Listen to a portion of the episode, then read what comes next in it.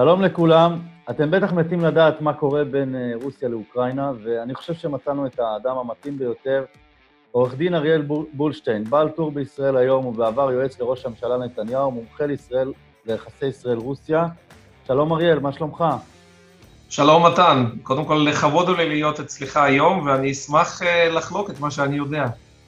כן, אני, אתה יודע, לאן שאני לא הולך, ל, ל, לבית קפה, בכל מקום שבו הטלוויזיה פתוחה, אני רואה אותך מדבר, וזה חשוב, כי הדעה שלך חייבת להישמע. אני, אני רוצה להוביל גם, לה, להביא לאיזושהי מסקנה שהגעתי אליה. אני חושב בכל הנושא הזה של יחסי ישראל-רוסיה, רב הנסתר, הנסתר על הגלוי. יש מעט מאוד אנשים שבאמת מצליחים להיכנס לראש הרוסי ולהבין מה קורה פה. אז אולי בעצם נפתח בשאלה הכי הכי בסיסית, למה פוטין התחיל את המלחמה הזאת? כדי לענות על השאלה הזאת צריך לעשות אה, מסע בזמן אחורה, אמנם לא לעידנים אחרים, אלא לשנת 2007. בשנת 2007 אה, הוא הופיע בפני אה, באי כנס הביטחון במינכן. מגרש מאוד מאוד מכובד, כל שועי העולם, מנהיגי המדינות היו שם, ישבו עמומים ולא לא האמינו למה שאוזניהם שמעו. פוטין פרס בפניהם את החזון הגיאופוליטי שלו, ושם הפציר בהם לקבל את הגישה שלו, שמא אם לא תקבלו, אולי אני אכפה עליכם בכוח. זה היה המסר שלו. מה אותו חזון? אותו חזון מדבר על כך שמבחינת פוטין, רוסיה בעקבות ההפסד של ברית המועצות במלחמה הקרה, ספגה לא רק מפלה פסיכולוגית, לא רק הושפלה, כך הוא רואה את זה, הוא רואה את זה ממש כעמידה על הברכיים, אלא היא גם, שלא בצדק, שוב, אני מצטט אותו, שלא בצדק, הפסידה את כל הנכסים הגיאופוליטיים שלה. הפסידה את השליטה, אני יכול להגיד בחצי עולם, פוטין לא השתמש אז במטבע הלשון הזה, אבל אנחנו זוכרים שהרי המדינה הקומוניסטית, ברית המועצות, השפיעה בעצם על מחצית העולם. כמעט בכל יבשת היו לה אה, דריסות רגל, ובהרבה מקומות אה, יותר אפילו מאשר חצי יבשת. כך שפוטין כיוון אל החזרה לאותה עמדה שברית המועצות איבדה.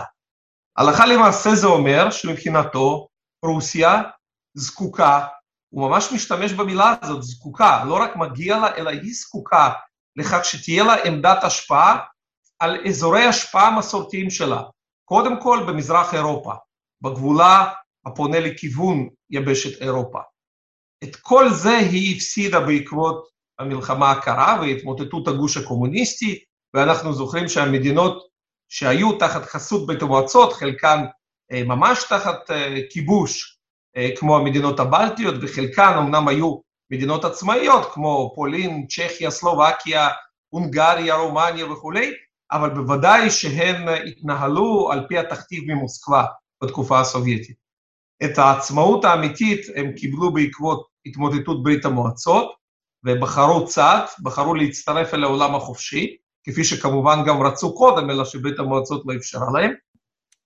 אז בחזון הזה פוטין אה, בעצם הציב יעד, לחזור לימי גדולתה של ברית המועצות, כמובן כבר בלי המילוי האידיאולוגי, כי הרי בתקופה הסובייטית גם הייתה משמעות לאותה שליטה בחצי עולם, היה ניסיון להנחיל אידיאולוגיה קומוניסטית, לפוטין אין אידיאולוגיה, אבל ברעייתו יש שתי חלופות לרוסיה, או להיות מדינה גדולה ומשפיעה ברמת מעצמת על, או לא להיות. כך הוא רואה את הדברים. והשאלה היא, כשבראש שלו חולף באמת, המחש... חולפת המחשבה בעתיד לכבוש את אה, ליטא מחדש, לשחרר את ליטא, לשחרר את פולין, זאת אומרת, זה באמת משהו ש... והאם, והשאלה הנוספת, האם העם הרוסי חולק איתו את החזון הזה? כי בעצם, אני, אני לא יודע אם באמת להאמין לזה, לי זה נראה קצת דיסאינפורמציה של המערב, שבקרמלין כועסים על פוטין, אני לא כל כך קונה את זה, אני באופן אישי, אבל מעניין אותי לדעת מה אתה חושב על זה. שתי שאלות מרתקות. אחת, הראשונה כמובן, מדברת על התוכניות הבאות שלו. אז בחזון שאותו הוא אה, פרס בפירוט גדול, כמובן, בלי להיכנס ל... הסדרים ממשיים, אבל שם הוא לא הציב את הגבולות של אותם אזורי השפעה. כך שאפשר uh, להתבסס כאן בעיקר על לקחי העבר, ועל פי אותם לקחים אנשים שמונעים על ידי חזון התפשטות שכזה, בדרך כלל אינם עוצרים כל עוד אין כוח חיצוני שיכול לעצור אותם. עכשיו, זה לא בהכרח בראייתו חייב להתבצע באמצעות פלישה רבתי, כפי שאנחנו רואים עכשיו באוקראינה. גם בנושא האוקראיני, הוא נזקק לאופציה הצבאית אחרי שניסה את האופציות ההיברידיות ואופציות מסורתיות יותר ללא שימוש מופרז בכוח. למשל, הוא ניסה בזמנו להשתמש בכוח ההשפעה של רוסיה, בכוח הכלכלי שלה, כדי לקדם בתוך המערכת הפוליטית האוקראינית כוחות שהיו מבחינתו עשויים להביא את אוקראינה חזרה לחיכה של רוסיה, לא במובן של להסתפח ולהקים מדינה אחת, אלא להפוך להיות מדינה מאוד נוחה עבור הרוסים, מדינת חסות הלכה למעשה. כמו בלרוס בעצם. כמו בלרוס, נכון. עכשיו, זה לא כל כך הלך לו, ולכן האופציה הבאה הייתה אופציה היברידית, אה, לחימה, אבל לחימה אה, ללא נשק חם, שימוש בבדלנים אה, בחלקה המזרחי, כדי בעצם אה, לכפות על אוקראינה פדרליזציה, לכפות אפשרות שבה מחוזות בדלניים יהיו בעלי משקל מספיק גדול כדי למנוע מאוקראינים, מאוקראינים הליכה אה, מערבה. אה, זה גם לא הלך, ולכן פוטין מבחינתו נשאר רק עם האופציה הצבאית. אה, לכן לשאלתך, האם מדינות נוספות צריכות לחשוש, הערכה שלי שכן, ושוב, לא בהכרח מפני כך שכבר למחרת ההרפתקה האוקראינית הרוסים יחצו את הגבול למדינה נוספת, אבל בוודאי מפני אה, ערעור היציבות הפוליטית הם צריכים לחשוב, לחשוש, סליחה, מפני השימוש באמצעים היברידיים, אמצעי ההשפעה כמו תעמולה, כמו אה, שיחוד למשל, שוחד לפוליטיקאים מקומיים, שיכולים פתאום להפוך למאוד מאוד פרו-רוסים, אלה אמצעים שמצויים בארסנל של אה, רוסיה, ולכן בוודאי אה, אוקראינה לא, לא אחרונה. אה, באשר לשאלה השנייה לגבי מה מידת ההלימה בין החזון של פוטין לבין הרצונות של האזרחים ברוסיה, זאת שאלה מורכבת ביותר. במדינה, במדינה מערבית רגילה, מדינה דמוקרטית, גם אם לא בהכרח מערבית, יש לנו כלים להבין ולהעריך את הרצונות של העם. הכלי המשמעותי ביותר כמובן אלה הבחירות, אבל בנוסף יש לנו גם סקרי דעת הקהל. ברוסיה שני הכלים האלה מנוטרלים, הבחירות מוטות ומזויפות, זה כבר די ברור, אה, שאלה מה מידת ההטייה, והסקרים אה, גם מזמן אה, הולאמו על ידי השלטונות, אין היום אפשרות להפעיל מכון לסקרי דעת הקהל, אלא אם אתה מקבל מהמדינה הרשאה לעשות את זה, ושום גוף אה, אובייקטיבי לא, לא קיבל עד כה הרשאה שכזו. לכן יש כאן סימן שאלה גדול.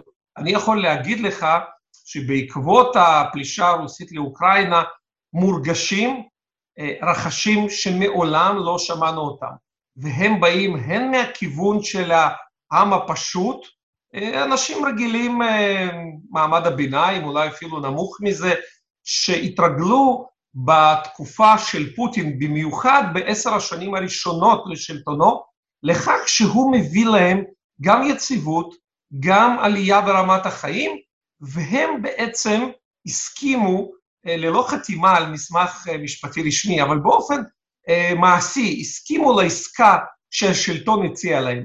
אתם תמשכו את ידיכם מן הפוליטיקה, אל תתערבבו ואל תביעו איזשהו רצון להחליף את השלטון, והשלטון בתמורה יעניק לכם עלייה, אמנם אולי לא, לא זינוק, אבל עלייה ברמת החיים, באפשרויות, אתם יכולים לנהל עסקים, אתם יכולים לטייל בעולם, העולם פתוח בפניכם. השפעה על קבוצות כדורגל. לשלטון. וזה הולך להתמוטט עכשיו, כי העולם סגור, רמה אה, כלכלית סבירה שהרוסים השיגו אותה עד שנת 2013 באמת, צריך להודות, הייתה עלייה מתמדת ברמת החיים. חלקה אולי לא קשור לפוטין ולתבונתו, אלא לעובדה שהיו מחירי נפט מאוד מאוד גבוהים, וכידוע זה, אה, זה אולי אה, הצינור הגדול ביותר אה, והמשמעותי ביותר עבור הרוסים, הצינור הזה מוציא החוצה נפט ומכניס חזרה דולרים, אבל היום זה נגמר. זה נגמר בכל קריסה אה, רועש ביותר, והיום האזרח הפשוט ברוסיה נמצא בהלם, כי אה, הוא, הוא פשוט רואה את הפגיעה בכיס האישי שלו, והיא לא תהיה מתונה כפי שהייתה בעקבות סבב הסנקציות הראשון ב-2014. זו יכולה להיות פגיעה ממשית שתביא לידי עוני אה, חוגים מאוד רחבים באוכלוסייה. שלא לדבר על אלה שהתרגלו לטוס לפריס לסוף שבוע ולמילאנו לסוף שבוע, וזו הייתה בשבילם אה, לא איזו אטרקציה שאף פעם לא ראו, אלא ממש חלק מהחיים, וזה נגמר, ממש נגמר באבחת חרב אחת. אה, אבל משמעותי יותר עבור סיכויי השרידות של המשטר, זה שיש פגיעה חמורה, אני לא אגיד אנושה, אבל פגיעה חמורה בהון ובנכסים של אנשים חזקים ביותר שמקורבים לפוטין, חלקם אה, נושאים בתפקידים רשמיים, אבל כנהוג ברוסיה זה לא מנע וכנראה גם עזר להם להגדיל את הנכסים, ונכסים נמצאים ברובם אה, מחוץ למדינה, במקומות שאנשים מעדיפים, אנשים כאלה מעדיפים לשמור על הנכסים, שווייץ למשל, אה, לונדון למשל, דברים אה, בסגנון הזה, והם פתאום מרגישים שהשטיח נשמט מתחת לרגליים. אה, חלקם אינם נושאים בתפקיד רשמי, אבל הם מה שנקרא אוליגרכים, זאת אומרת שיש להם מהלכים גם במסדרונות השלטון, אה, אבל גם בחוגים אחרים ברוסיה, חוגי עסקים, ובדרך כלל במדינה הזאת יש חיבור שלא ניתן אה, לנתק אותו, כלומר, אם מישהו באמת רצה לדעת איפה יש הון שלטון, אז לא בישראל, ברוסיה, שם יש בהחלט פוטנציאל להתמרמרות מאוד גדולה נגד פוטין. עדיין מוקדם להעריך עד כמה ההתמרמרות הזאת אכן משנה את התמונה בשבילו, ועד כמה הוא מושפע מהחוגים האלה. אין ספק שיש מידת השפעה, אבל השאלה אם היא כזו שגם החזון הגדול שלו, הרי הוא רואה את עצמו כמעין משיח, מי שמתקן עוול היסטורי. אני אזכיר לך כי הוא נוהג להשתמש בהשוואה, כשהוא מדבר על הקריסה של ברית המועצות, הוא קורא לה הטרגדיה הגיאופוליטית הגדולה של המאה ה-20. אני מציע להקשיב היטב לאמירה הזאת, כי היא אומרת הרבה עליו. הרי תקשיבו, אה, באתוס של ברית המועצות ושל רוסיה, הדבר הגדול ביותר, פעם, מבחינת הקומוניסטים הייתה המהפכה, אבל אחר כך, מלחמת העולם השנייה, זה הסיפור הגדול תמיד עבור הרוסים, גם עבור פוטין. אז אם הוא מעמיד את ההתמוטטות של ברית המועצות, אפילו מעל הטרגדיה שהעולם חווה במלחמת העולם השנייה, שלא לדבר על הטרגדיה שלנו, כן, של השואה, אבל הוא לא רואה את כל זה, או אולי רואה, אבל לא מחשיב את זה, לא מביא את זה לדרגה של הטרגדיה הגדולה. בשבילו זו ההתמוטטות של ברית המועצות. ולכן זה אדם שמונה על ידי החזון להחזיר את ברית המועצות או את רוסיה לימיה הנכונים, כך זה בעיניו.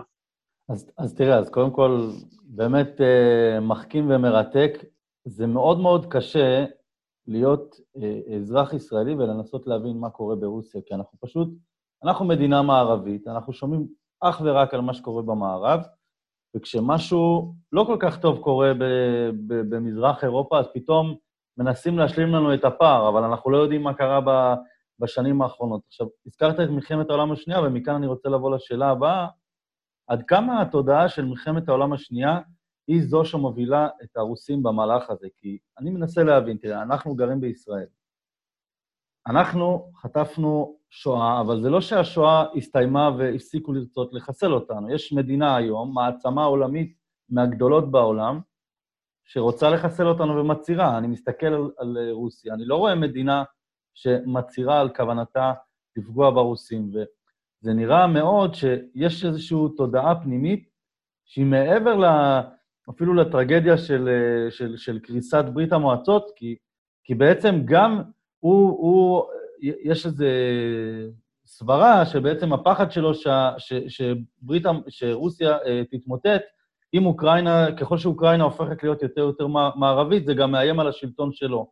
אבל השאלה אם הוא לא עושה את השאלה אם האינטרס של העם הרוסי זה שהוא אישית כן ייפול. זאת אומרת, האם אם אוקראינה תהיה מערבית, ואפילו אם יש שם טילים של נאט"ו, מה שאני לא הבנתי עד הסוף אם בכלל דובר עליו, אבל בהנחה שזה יקרה, האם באמת הוא חושב שמישהו מתכנן להשמיד את רוסיה? הרי גדולים הרבה יותר מג'ו ביידן ואפילו מטראמפ ניסו, ואף אחד לא הצליח. אף אחד לא התקרב ללהצליח אפילו. אז מאיפה מגיע החשש המדהים הזה, שמביא אותו לשים, הוא שם את עצמו עכשיו על, על השולחן. זה יכול להסתיים בצורה לא טובה עבורו. זאת שאלה מאוד מעניינת, והערכתי היא שכל הטיעונים שפוטין אכן העלה בחודשים האחרונים על האיום שכביכול נאט"ו מהווה עבורו, עבור רוסיה, במיוחד אם נאט"ו מתפשט לכיוון אה, אה, מזרח, לכיוון אוקראינה, אולי מדינות אחרות, זה אינו חשש אמיתי. אה, אתה נגעת באמת בעובדה שאפילו בחיי שגרה ברוסיה, זיכרון מלחמת העולם השנייה זה מרכיב מאוד מאוד משפיע, אבל לא בהכרח בחלקו שקשור באבדות. אמנם הרוסי הממוצע יודע שהמדינה הזו ספגה אבדות הכי גדולות, הכי גדולות, יותר מהיהודים אפילו. בוודאי, בוודאי. אה, אבל דווקא החלק המסיים של המלחמה, שבה ברית המועצות לא רק שהודפת את הגרמנים, אלא גם מבצעת את הזינוק לכיוון ברלין ומשחררת אה, בדרך את מזרח אירופה, ובסופו של דבר באותו צילום מיתולוגי מביאה לידי כך שדגל ברית המועצות מתנוסס מעל הרייכסטאג, זה זה הדבר העיקרי מבחינת הרוסים במלחמה. ולכן אין באמת חשש אמיתי, לא אצל האנשים הרגילים ולא אצל המנהיגים, על כך שמישהו יכול לאיים על רוסיה. אותו טיעון שפוטין התחיל להשמיע נועד בעיקר לצורכי חוץ. בפנים, דווקא הלגלוג על הטיעון הזה אה, נפוץ הרבה יותר. אה, אם אה, נחוץ... איפה רואים אותו? איפה רואים את הליווי הזה? למשל, במשפט כזה, אמרת כנף, אה, שפשטה מאוד ברוסיה בעשור האחרון, ובתרגום אומנם פחות ספרותי, אבל קולע, אני אתרגם אותה לעברית כ"אם נחוץ, נחזור על מה שהיה". כלומר, אם לא היה מספיק למערב שהגענו לברלין ב-1945, אנחנו בכל עת יכולים לעשות את זה שוב. זה הרגש... היום זה יהיה יותר קל, הרבה יותר קל. כן, זה הרגש של נפוץ. לא הפחד שיבואו ויתקפו אותנו, כמו שזה היה ב-1941, כאשר מבצע ברברוסה הביא את הגרמנים אל תוך ברית המועצות, אלא בדיוק להפך. רק שיהיה צורך, קלי קלות. כמובן, יש פה גם התרהבות, ואנחנו רואים שגם מול אוקראינה זה רחוק מלהיות בקלי קלות, אבל אני מביא את אמרת הכנף הזו כדי להמחיש כמה הטיעון הזה משרת את פוטין בעיקר כדי להסביר לציבור הרציונלי במערב מדוע הוא הולך אה, ומאיים על העולם ובסוף גם מממש את האיום. אני ממש אה, מתחבר למה שאתה אמרת, אין היום מדינה שיכולה לאיים על רוסיה, בוודאי אם אנחנו נזכרים בארסנל הגרעיני שלה, העצום, אה, אין מדינה שתעשה לעשות את זה, ובוודאי עם, ה, עם אוסף המנהיגים, אם אפשר, אם אפשר בכלל לקרוא להם מנהיגים, שהיום אה, מנהלים את המדינות המערביות הגדולות, מה שפעם כינינו מעצמות, היום צריך אה, חוץ מארצות הברית, צריך כנראה להימנע מהמעצמה. אה, כן, תשמע, אני הסתכלתי בטבלת המספרים של טנקים במדינות השונות וגיליתי שלבריטניה ולצרפת יחד יש הרבה הרבה פחות טנקים מאשר לירדן, שכנתנו, כן? וואו. גם כן מעצמה, ירדן. אז כן. לצרפת ולבריטניה ביחד יש הרבה פחות. אה, כך או אחרת, אין ספק שפוטין דווקא זיהה את החולשה, ולשאלה שעוד לא שאלת אותי, אבל אני אשאל הרבה מאוד, אני אשאל, מדוע דווקא עכשיו? אה, זה, זה היה השאלה הבאה שלי. אז אתה רואה, הקדמתי אותך במקצת. כן. אני סבור שפוטין זיהה שכהונתו של ביידן זה חלון ההזדמנויות שלו. אה, אל תשכחו שמבחינתו טראמפ, נעזוב כרגע אפילו את העובדה שטראמפ היה כל כך חיובי ופשוט נכס עבור ישראל. אבל גם בזירה הכלל עולמית, אותה טענה שהוא כביכול הפקיר את ארצות הברית וכולי, שלא לדבר על השטויות שהוא כאילו היה סוכן רוסי, כל זה כמובן עור בפרח, אבל יותר מזה, בגלל האופיו, בגלל האופיו של טראמפ, בגלל העובדה שהוא לחלוטין בלתי צפוי, או כך הוא מצטייר לפחות, אצל מרבית האנשים, פוטין לא העז לבצע שום מהלך בקדנציה שלו. שימו לב שאת הפלישה לגיאורגיה הוא מבצע לפני כן. את ההתחלה של פלישה לאוקראינה, כלומר את הסיפוח של חצי האי קרים ואת ההצתה של מלחמת האזרחים הבדלנית במזרח אוקראינה הוא מבצע לפני טראמפ. ארבע שנים של הוא מפחד ליזום, מה זה מפחד? שוב, זה לא, זה לא במובן זה שיש לו פיק ברכיים, אבל הוא יודע שהתגובה של טראמפ עלולה להיות מכאיבה ביותר, ואולי כזו שתרסן את רוסיה עוד לפני שהיא תוציא את המהלך ההתקפי לפועל. אה, גם דברים נוספים שטראמפ דיבר עליהם ולעגו לו, אה, התממשו. אתה זוכר מן הסתם שטראמפ דרש מהמדינות האחרות ששותפות לנאט"ו לעמוד בהתחייבות, אה, להעביר את המימון לתקציבים הצבאיים כפי שמקובל, כפי שנדרש על פי אמנת נאט"ו, 2 אחוז מהתקציב. ואז כשהוא דרש את זה, אמרו, הנה, הוא בעד רוסיה, כי למה הוא דורש? אני זוכר את הטיעון המדהים הזה, דווקא מזה שהוא רציני, והוא אומר, חבר'ה, אני לא אחזיק את נאט"ו לבד. נכון. אז, אז דרך אגב, בזכות הדרישה שלו, היום הנאט"ו, פתאום היום מדברים על נאט"ו כאיזה כוח צבאי בלתי נתפס, המציאות... יתרה מזאת, כן. אותו מספר... אותו מספר שני אחוזים, פתאום היום אה, בא קאנצלר גרמניה ואומר, בוודאי אנחנו נעמוד בזה, מכאן והלאה זה מה שיקרה. אני אביא לך עוד דוגמה קטנה, דווקא בהקשר של גרמניה. טראמפ הופיע, נשא נאום באו"ם, אני לא זוכר באיזה שנה, באחת השנים לכהונתו, ומהפודיום הזה של, של או"ם הוא פנה לגרמנים ואמר להם, אתם אה, חותרים לתלות מוחלטת ברוסיה בעניין של אספקת האנרגיה.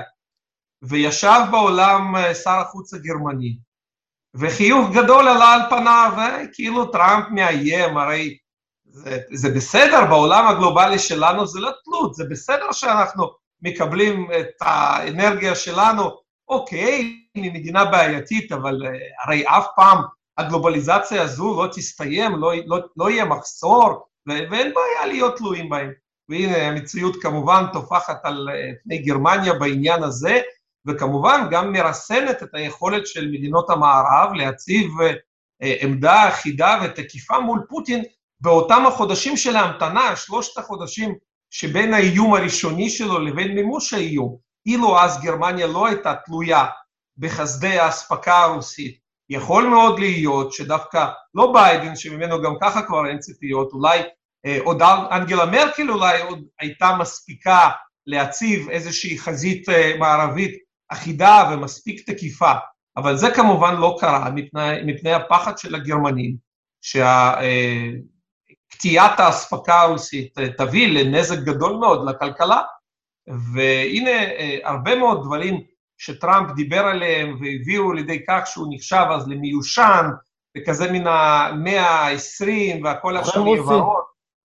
כן, כי הרי הכל אפשר על פי, על פי הגישה שהשתלטה על המערב, את הכל ניתן לפתור בדיאלוג. צריך פשוט ללכת ולדבר עם האויב ולמצוא את הנימוקים הנכונים. אז הנה, פוטין נראה להם שהוא מסוגל להקשיב, אה, הוא באמת הקשיב להם כשהם באו ברכבת אווירית באותם חודשי המתנה, מקרון הגיע אליו, ושולץ הגיע אליו, ושרי חוץ הגיעו אליו, והוא הקשיב, הקשיב, הקשיב, אני בטוח שגם צחק עליהם במוחו, ובסוף עשה את מה שהוא רוצה לעשות, כי אף אחד, אף אחד מהם... מה היה הצעד שהוא ביצע בסוף? סליחה, לא שמעתי? מה היה, מה היה הצעד שהוא ביצע בסוף? בסופו של דבר, כפי שאנחנו יודעים, הוא פלש לאוקראינה, למרות... לא, לא, אני אומר, אה, לא, דיברנו על טראמפ. טראמפ הציב להם את האיום, והם בסוף נאלצו להתרצות. נכון. לא הייתה להם נכון. ברירה. זה דבר ש...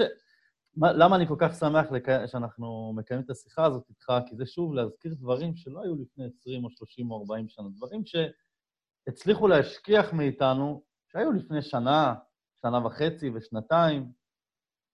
פשוט מרתק. ו... מכאן אני רוצה לקחת אותך, ננסה לעשות את זה בלי פוליטיקה, אבל לדבר על העניין העקרוני. בעניין העקרוני, אני חייב להודות שמשהו מאוד מאוד השת... מרגיש לי שהשתבש קצת בהסתכלות שלנו, של אה, ישראלים, יהודים, על רוסיה לעומת אוקראינה. עכשיו, אין ספק שישראל נמצאת בגוש של המדינות המערביות, ואני חושב שאין בן אדם בישראל שמסתכל על הפעולות של פוטין ואומר כל הכבוד ותומך בהם, ברור שזה פעולות uh, דיקטטוריות, פעולות שאין להן שום הצדקה מבחינת uh, המוסר.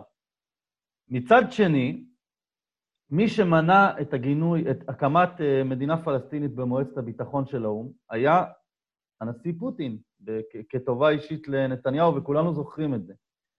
השאלה שלי, האם אנחנו לא נכנסים קצת יותר מדי לעובי הקורה? אני, אני חושב ש...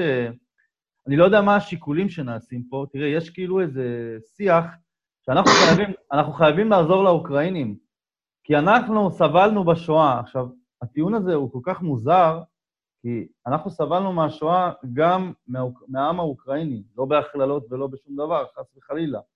עכשיו, אנחנו מקיימים היום את ה... אבל חלק בלתי מבוטל מבני כן, עמו. נכון, כן. עכשיו אנחנו מקיימים את השיחה הזאת יום לאחר שהופץ פשוט שקר, שכאילו האתר של באבי יאר הופצץ, והתברר שזה לא קרה. דווקא זה מאוד הפתיע אותי ש... שהתקשורת הישראלית מאוד מהר, מאוד מהר עדכנה את הגרסה. עכשיו, אני אומר, יש, אני, אני חושב שיש הבדל מאוד גדול בין תמיכה מוסרית, כמה שיותר מצרכי מזון, באמת הכל, אין בכלל ספק שצריך לעזור. מכאן ועד הלחצים שמושמעים גם במאמרי המערכת היום בעיתון מסוים, שאנחנו יודעים על איזה עיתון אנחנו מדברים, וגם בכלי התקשורת שישראל צריכה לתווך ולגנות באו"ם, והשלב הבא אולי לשלוח משלוחי נשק, מישהו עוצר לחשוב מה ההשלכות בצד הרוסי של, של מהלכים כאלה? הרי נתניהו עבד מאוד קשה לייצר ברית מול פוטין, שהיא לא רק ברית של אה, אינטרסים, גם ברית של שני אנשים חזקים שיושבים אחד מול השני. זה משרת את האינטרס הישראלי, כל המהלכים האלה? זאת שאלה מאוד מורכבת, מכיוון שיש לה היבטים שונים, וחלקם, באמת, קודם כל, את רוב ההיבטים האלה פירטת, מכיוון שגם בגלל זה ניסוח השאלה יהיה מאוד ארוך, כי אכן מדובר בצוואר שיקולים משדות שונים, מתחומים שונים, וביחד הם צריכים אה, לעצב תמונה אחת, מדיניות אחת. ואני אזכיר באמת חלק מן השיקולים האלה, שמחייבים אותנו לגישה זהירה מאוד, שקולה, אה, בלתי מזדרזת, הייתי אומר. אה, כי החיפזון במקרים האלה מן השטן, שליפה מן המותן היא מן השטן בתחומים האלה. ואני עוד לא מדבר על כך שהשיקול יביא אותנו למדיניות כזו או אחרת, אבל לפני שניגשים להכריז על מדיניות, צריך להבין מה השיקולים. אז לכן אה, אני לא חושב ולא מסכים עם הגישה שמתבססת על הסבל שלנו בשואה, ואומרת, הנה עכשיו, מכיוון שסבלנו בשואה, צריך לעשות XYZ. כי זו בדרך כלל מניפולציה. אין ספק שאנחנו סבלנו בשואה, זה לא גוזר עלינו איזשהו חיוב לבצע פעולה מסוימת, פוליטית, מדינית. הזיכרון שלנו אה, על השואה רק מחייב אותנו לדבר אחד, להבין שרק העוצמה של מדינת ישראל היא הערובה היחידה לכך שהטרגדיה הזו לא תחזור עלינו פעם נוספת. זו המסקנה המחויבת היחידה. כל היתר צריכים להתבסס על שיקולים אחרים. אה, למשל, השיקול שנמצאות שתי קהילות יהודיות מאוד גדולות באוקראינה וברוסיה, ומצבן שונה. קודם כל, היום מצד אחד יש מצב שקהילה אחת מצויה תחת אש, לא בגלל שהיא קהילה יהודית, אלא מכיוון שהיא חלק מאוקראינה. אז היום אה, אחינו, אחינו יושבים במקלטים במקרה הטוב, אם יש להם מקלטים, ואם לא, אז מתפללים לאל שבשמיים שהטיל לא יפגע בהם. וצריך לזכור את זה, כי אנחנו לפעמים ככה נוטים לגיאופוליטיקה ושוכחים שבסוף בני עמנו הם אלה שחלק מהטרגדיה האנושית. מצד שני, הקהילה היהודית ברוסיה, אה, הקהילה הפורחת, יש לומר, וגדולה מאוד, הצליחה לפרוח מכיוון שמסיבות רגשיות ושכליות, פוטין נתן לה איזושהי חסות אישית. שבל נטעה, בסביבה השלטת, בסביבתו המיידית, הגישה הזאת אפילו שמית כלפי היהודים ולא האנטישמית, היא חריגה. מרבית האנשים החזקים ברוסיה לא היו ששים להעניק ליהודים את החופש שיש להם כרגע. ולכן כאן, אני לא אומר שזה צריך להיות השיקול היחיד שלנו, אבל צריך לזכור גם את זה. ומצד שני, בנוסף לשיקול של הקהילות היהודיות, יש כמובן שלל שיקולים ביטחוניים, ורובם מתרכזים אל הזירה הסורית, אך לא רק, לא רק לזירה הסורית. אני לא אומר, אני גם רחוק מלהרחיק את הלכת ולהגיד שהנה עכשיו באופן אוטומטי, מכיוון שהרוסים נמצאים בסוריה, אז אנחנו תמיד תמיד צריך להנמיך את הגב, אתה יודע, להנמיך את הראש, ו, וכמו יהודי מהעיירה להתייחס אל הרוסים כפריץ, שבמקרה הטוב יסבול אותנו, במקרה הרע יחטיף לנו.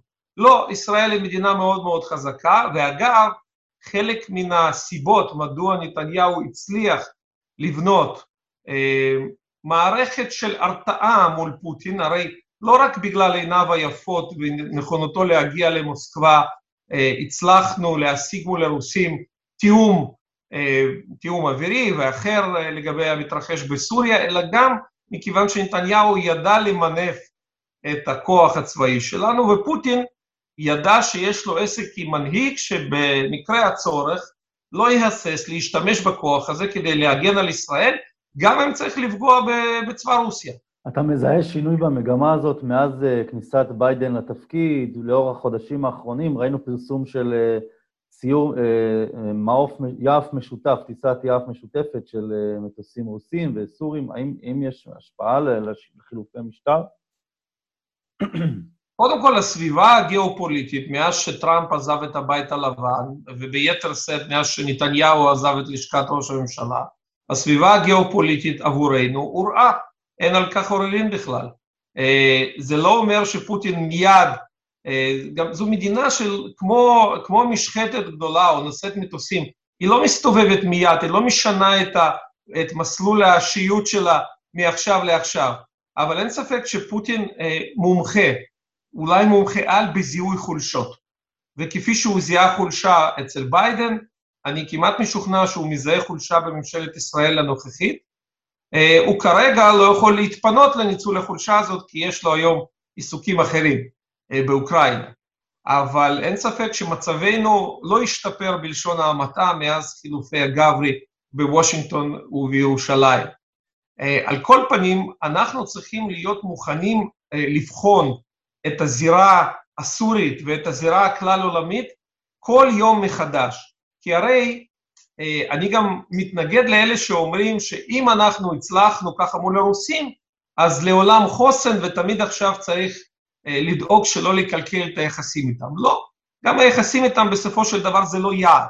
היעד זה שמירה על ביטחון ישראל, ואם עבור אה, השגת היעד צריך לפגוע באינטרסים רוסיים, אז צריך לפגוע באינטרסים רוסיים. צריך פשוט בכל יום לשקול על שתי כפות המאזניים ולא לשכוח להניח עליהם את כל השיקולים. ואחד השיקולים למשל זה מה שקורה היום בווינה. ההתקדמות המואצת של העולם לכיוון העסקה הנוראית הזאת שמתבשלת שם, צריכה להדאיג אותנו, ולהדאיג אותנו, אני סבור שלא פחות, יותר, ממה שקורה באוקראינה. כי אם באוקראינה, כל הסימפתיה שלי למדינה שעכשיו בגבורה אגב, בגבורה עילאית, מתמודדת מול הפלישה, אבל שם האוקראינים על השולחן. בווינה אנחנו על השולחן. זו טעות לחשוב שהאיראנים נמצאים שם על השולחן. אה, קובעים את גורלנו בלי שאנחנו צד פעיל לעניין הזה. בלי ש... לצערי כמו בהסכם מינכן. במידה מסוימת כמו בהסכם מינכן, בהבדל אחד, שברוך השם לנו יש יכולות שבזמנו לצ'כוסלובקיה, למשל, שהייתה על השולחן במינכן, לה לא היו, היא הייתה באמת אה, קורבן ששיווע לסיוע של אחרים, ואנחנו בכל זאת לא במצב הזה. עשינו משהו ב-73 השנים של קיום המדינה. אבל ביתר הפרמטרים אני מסכים איתך לגמרי. אה, זה פשוט מביש מה שהולך שם. אני אוסיף לך עוד אולי איזו תובנה בעניין הזה. אה, העולם ידע עכשיו באופן מהיר והחלטי לבנות מערך של סנקציות קשות ביותר אה, לרוסיה. וזה מחייב את הממשלה הנוכחית, כל ממשלה בעצם שהייתה מכהנת, להשמיע מיד, עוד לפני החתימה בווינה, דרישה להטיל את הסנקציות האלה על איראן במידה והיא ממשיכה בהתקדמות שלה מול הגרעין. כי החידוש הגדול בשבוע האחרון, שאם תופרים חליפת סנקציות משתקת באמת, אז זה פוגע. עד עכשיו הרי אמרו לנו, נו, אה, בסדר, הסנקציות לא עוזרות. סנקציות לא משפיעות, כן. אני חושב... לא לא הפעלתם את הסנקציות המכאיבות באמת. מה שמדהים הוא גם החברות הטכנולוגיה המערביות, שזה, אני חושב שזה... ודאי, ודאי. הכי רכה. מה שלא קרה למשל במקרה האיראני. אז אמנם בתקופות מסוימות היו הגבלות אמריקאיות על פעילות התאגידים האמריקאים באיראן, אבל יש עוד מדינות מערב רבות ורבות מספור שהמשיכו לסחור איתה, ומטוסים איראניים מגיעים לאירופה, ומטוסים אירופאיים מגיעים לאיראן, אין בידוד. אם הייתם, וזה מה, ש, מה שצריך להגיד היום, אה, וזה מה שבנט ולפיד לא עושים, הם היו צריכים להגיד לאירופאים ולאמריקאים וליתר המדינות המשמעותיות בעולם, אם הייתם פועלים באותה נמרצות מול האיראנים, אז אולי כן הייתה תוצאה ואולי לא היינו נזקקים היום לאופציות נוספות. אה, גם את זה לצערי לפיד ובנט לא עושים, למרות שאמירה כזו אה, גם לא נוגדת את תפיסת עולמם על כך שצריך אה, להגיע לארצות הברית ולא להפתיע אותה. אני סבור שכן צריך להפתיע אותה אם לא תהיה ברירה, ולא צריך להבטיח לאמריקאים שאנחנו נגלה כל דבר, כי בסופו של דבר אנחנו על השולחן ולא הם. אבל אה, עוד כצעד אה, מקדמי, חובה, חובה פשוט עכשיו על ישראל לדרוש, לנקוט בכל הסנקציות ולתפור את החבילה על פי נקודות החולשה של איראן. הרי תראה, את נקודות החולשה של רוסיה מיפו היטב, וחוץ מהסנקציה האחרונה, נשק אטומי של הסנקציות, אה, והכוונה כמובן לניתוק אספקת האנרגיה הרוסית למערב, כל היתר הופעל. אה, אם אותה גישה תקיפה אה, הייתה מובילה את ארצות הברית ואת אירופה ביחס לאיראן, אז ייתכן והתוצאה המקווה הייתה כבר מושגת. יש לי שאלה, אני רוצה לקח, לקחת משם דווקא לנושא של אוקראינה. עד כמה, עד כמה אתה מופתע, או עד כמה אתה חושב שבעולם הופתעו מהעמידה של אוקראינה? ונגיד יותר מזה, אני חושב שבכלל פוטין לא תכנן בשום צורה לפלוש לערים אוקראיניות, אני לא חושב שהיה לו שום תכנון כזה, כי הוא מבין את ההשלכות, בסוף הוא תוקף את העם שלו, למרות שזה לא העם הרוסי, אבל זה כמעט אותו דבר. ולכן השאלה היא, האם, האם באמת הסיפור פה הוא באמת על נחישות או שזה יותר הרתיעה של פוטין להיכנס לערים האזרחיות?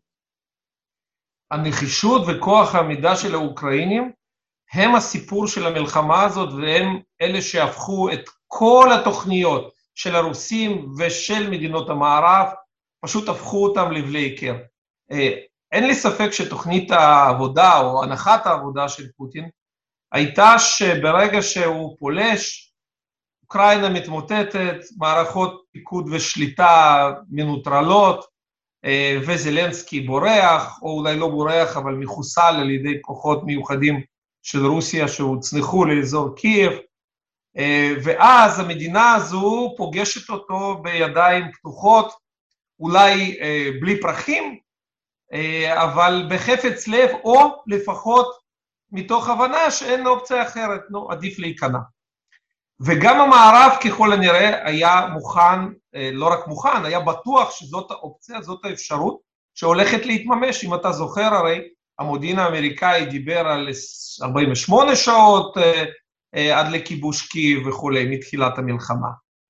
אני בטוח שגם ההצעה האמריקאית לזלנסקי לגבי מתן מקלט מדיני השתלבה היטב באותה תפיסה, שמבינה ממילא אין תוחלת להתנגדות, אז uh, עדיף uh, להציל את חייו, uh, ואז אולי להפוך לאיזה גולה קבוע באחת מבירות אירופה או בארצות הברית. והאוקראינים שינו את כל התמונה. קודם כל, הם שברו את התוכנית הרוסית, שקיוותה להיות בתוך 48 שעות בקייב, ופשוט להביא איזה ממשל בובות, אולי של ינוקוביץ', של אותו נשיא אוקראיני שברח מן המדינה בעקבות ההפגנות הגדולות ב- בחורף של 2013-2014, שדרשו ממנו אה, לחזור, לחזור ולחתום על ההסכם אה, לשיתוף פעולה עם האיחוד האירופי, ובכלל להפוך את אוקראינה למדינה שמסתכלת מערבה ולא מזרחה. אה, יכול להיות שהרוסים היו בוחרים מישהו אחר, יש עכשיו שמועות שינוקוביץ' נמצא בבלארוס ומחכה עד שיביאו אותו על גב של איזשהו נגמש פנימה כדי להכריז על עצמו כנשיא אוקראינה. אה, אבל פחות חשוב מי הדמות. אין ספק שזאת הייתה התוכנית, להביא אה, מישהו שנתפס כבן המקום, אבל אה, כזה שיוכל להשליט על הכידונים של הרוסים, יוכל להשליט את המדיניות החדשה של אוקראינה, להחזיר אותה, לשחרר אותה כביכול מאותו שלטון, כמו פוטין הגדיר את זה, נרקומנים וניאו-נאצים. אני לא יודע למי הוא התכוון נרקומן, כנראה הוא רצה להדביק את זה לזלנסקי, בכל זאת, אתה יודע, בא מתחום הבידור, אז כן. כנראה הוא נרקומן, היום אף אחד לא יכול בכלל לחשוב על להדביק תדמית כזו לזלנסקי, אחרי שהוא התגלה כמנהיג היחיד בסיפור הזה, כי לעומת הפחדנות של ביידן ושל מנהיגי אה, אה, מדינות אירופה, פתאום אנחנו באמת רואים מישהו שלא מתקפל, לא משדר היסטריה, מדבר לעניין, אה, משקיט את העם, ומצד שני לא לא זורע אשליות, הוא אומר להם, כן, יהיו ימים מאוד מאוד קשים. אמ, מישהו, אתה יודע, בסדר גודל, אני קצת ארחיק לכת צ'רצ'יריאני, אז עוד מוקדם לדעת איך זה ייגמר, אבל נכון לעכשיו ההתנהלות הזאת ראויה להערכה, אבל התזה שלי אומרת שזה, עם כל החשיבות להנהגה, במקרה הזה הוא השתקפות של הרוח השלטת היום באוקראינה. וזה לא היה כך לפני עשור. לפני עשור, אתה דיברת באמת על הקרבה בין הרוסים והאוקראינים, ועל הוויכוח האם זה אותו עם או שזה לא, אותם, לא אותו עם, אלא עמים מאוד מאוד קרובים. אני נוטה להבנה שזה, שמדובר בעמים מאוד מאוד קרובים.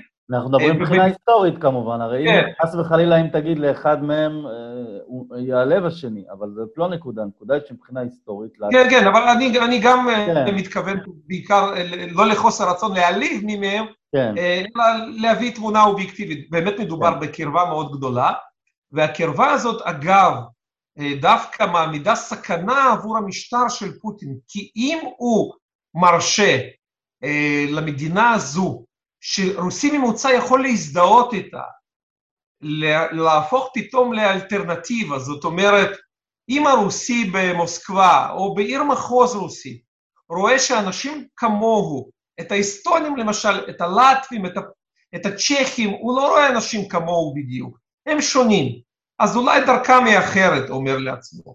אבל אם האוקראינים, שהם כמונו בדיוק, יכולים פתאום לבחור בברירה ציוויליזציונית אחרת, ושום דבר רע לא קורה להם, הכלכלה שלהם תתפתח, היא התפתחה אגב בצורה מאוד יפה בשנים האחרונות, באות לשם השקעות, אז הרוסי הממוצע ישאל את עצמו, מה אנחנו פחות טובים, הרי אולי גם הדרך הזאת מתאימה לנו. לכן בשביל פוטין, בנוסף לאותו חזון גיאופוליטי שממנו התחלנו, התפיסה שזה צריך להיות חלק מרוסיה, יש גם סכנה ממשית, כי לחיים שלו. בקריאת תיגר ישירה על האופי של המשטר שהוא מנחיל לרוסים. אה, וזה דבר שאנחנו צריכים לזכור. אה, בדרך כלל, כזה דבר אצלו בחצר האחורית, מבחינתו זה ייהרג ובל יעבור. אז בעצם אמרת עכשיו שמבחינת אה, הנשיא פוטין, העובדה שיכולה להיות אלטרנטיבה דמוקרטית לרוסיה, זאת אומרת שהאזרח הרוסי רואה מעבר לגבול אנשים שנראים כמוהו וחיים ברווחה כלכלית יותר ממנו וחיים על פי משטר אחר, אז באמת זו הסכנה המשמעותית. ואני שואל אותך, לאור ההיסטוריה, של, זו שאלה מעמיקה ככה לסיום, אבל זה באמת דעתך האישית כמובן, לאור ההיסטוריה של רוסיה, שמלאה במהפכות, ובאמת מעט מאוד היסטוריה של דמוקרטיה ממש, אני חושב שנים בודדות, יש סיכוי שאנחנו נראה את זה עוד בימי חיינו? טוב, חכמינו לימדו אותנו שלהתנבא זו משימה לא רצויה, כפוית טובה, ולכן קשה לי לתת פה תחזית מאוד מאוד מדויקת, מכיוון שתחזית כזאת תחייב להניח שפוטין יודח, ואנחנו לא יכולים לדעת שזה יקרה, או ימות, כי כמובן כל עוד הוא נמצא ליד ההגה, לא יהיה שינוי ברוסיה, זה מובן לכולם, ואני אגיד יותר מזה, כל עוד פוטין חי, הוא לא יזוז מן ההגה. כמובן, יש תסריטים נוספים שבהם אולי האליטה שולטת תוקיע אותו ודווקא תעדיף כדי לא לאבד את הנכסים שלה במערב, תעדיף מישהו אחר שיוכל להגיע להסכמות עם המדינות המערביות, אבל נכון לעכשיו, כל עוד הוא שם, אין תוחלת למחשבות על שינוי המשטר ברוסיה, ואפילו אין תוחלת לקוות שהמשטר יתרכך, בדיוק להפך. בימים האלה ממש הוא מקשיח עמדות, ויש יותר מסימן אחד לכך שהם חוזרים לימיה של ברית המועצות. יש כבר איסור להוציא כסף מן המדינה, נסגרו אמצעי תקשורת אחרונים שלא היו בשליטה ישירה של פוטין. עוד מעט אני לא אופתע אם אנחנו נראה איסור על יציאה החוצה, לחוץ לארץ, עבור אזרחי רוסיה, ואם זה יקרה, זה פשוט העתקה אחד לאחד של ברית המועצות של פעם, ללא, כמובן, כמו שאמרתי, ללא הדגל האדום. אנחנו נמתין ונראה, כמו שאומרים, ואני רוצה לסיים ככה, אני חושב באמירה הכל כך משמעותית שאמרת כאן, בסוף אנחנו, אנחנו נמצאים בישראל, ולראות את השיתוף פעולה המערבי המדהים הזה, מאפל וגוגל ועד טיסות, ואנחנו מקווים שגם בהקשר שלנו המדינות האלו לא, לא יהססו לנקוט באותם צעדים, ואני חושב שזה אולי הדבר החשוב מאוד שאמרת כאן, ואני רוצה באמת להודות לך. אנחנו נמשיך ליהנות מהפרשנות שלך על גבי המרקע ובעיתון.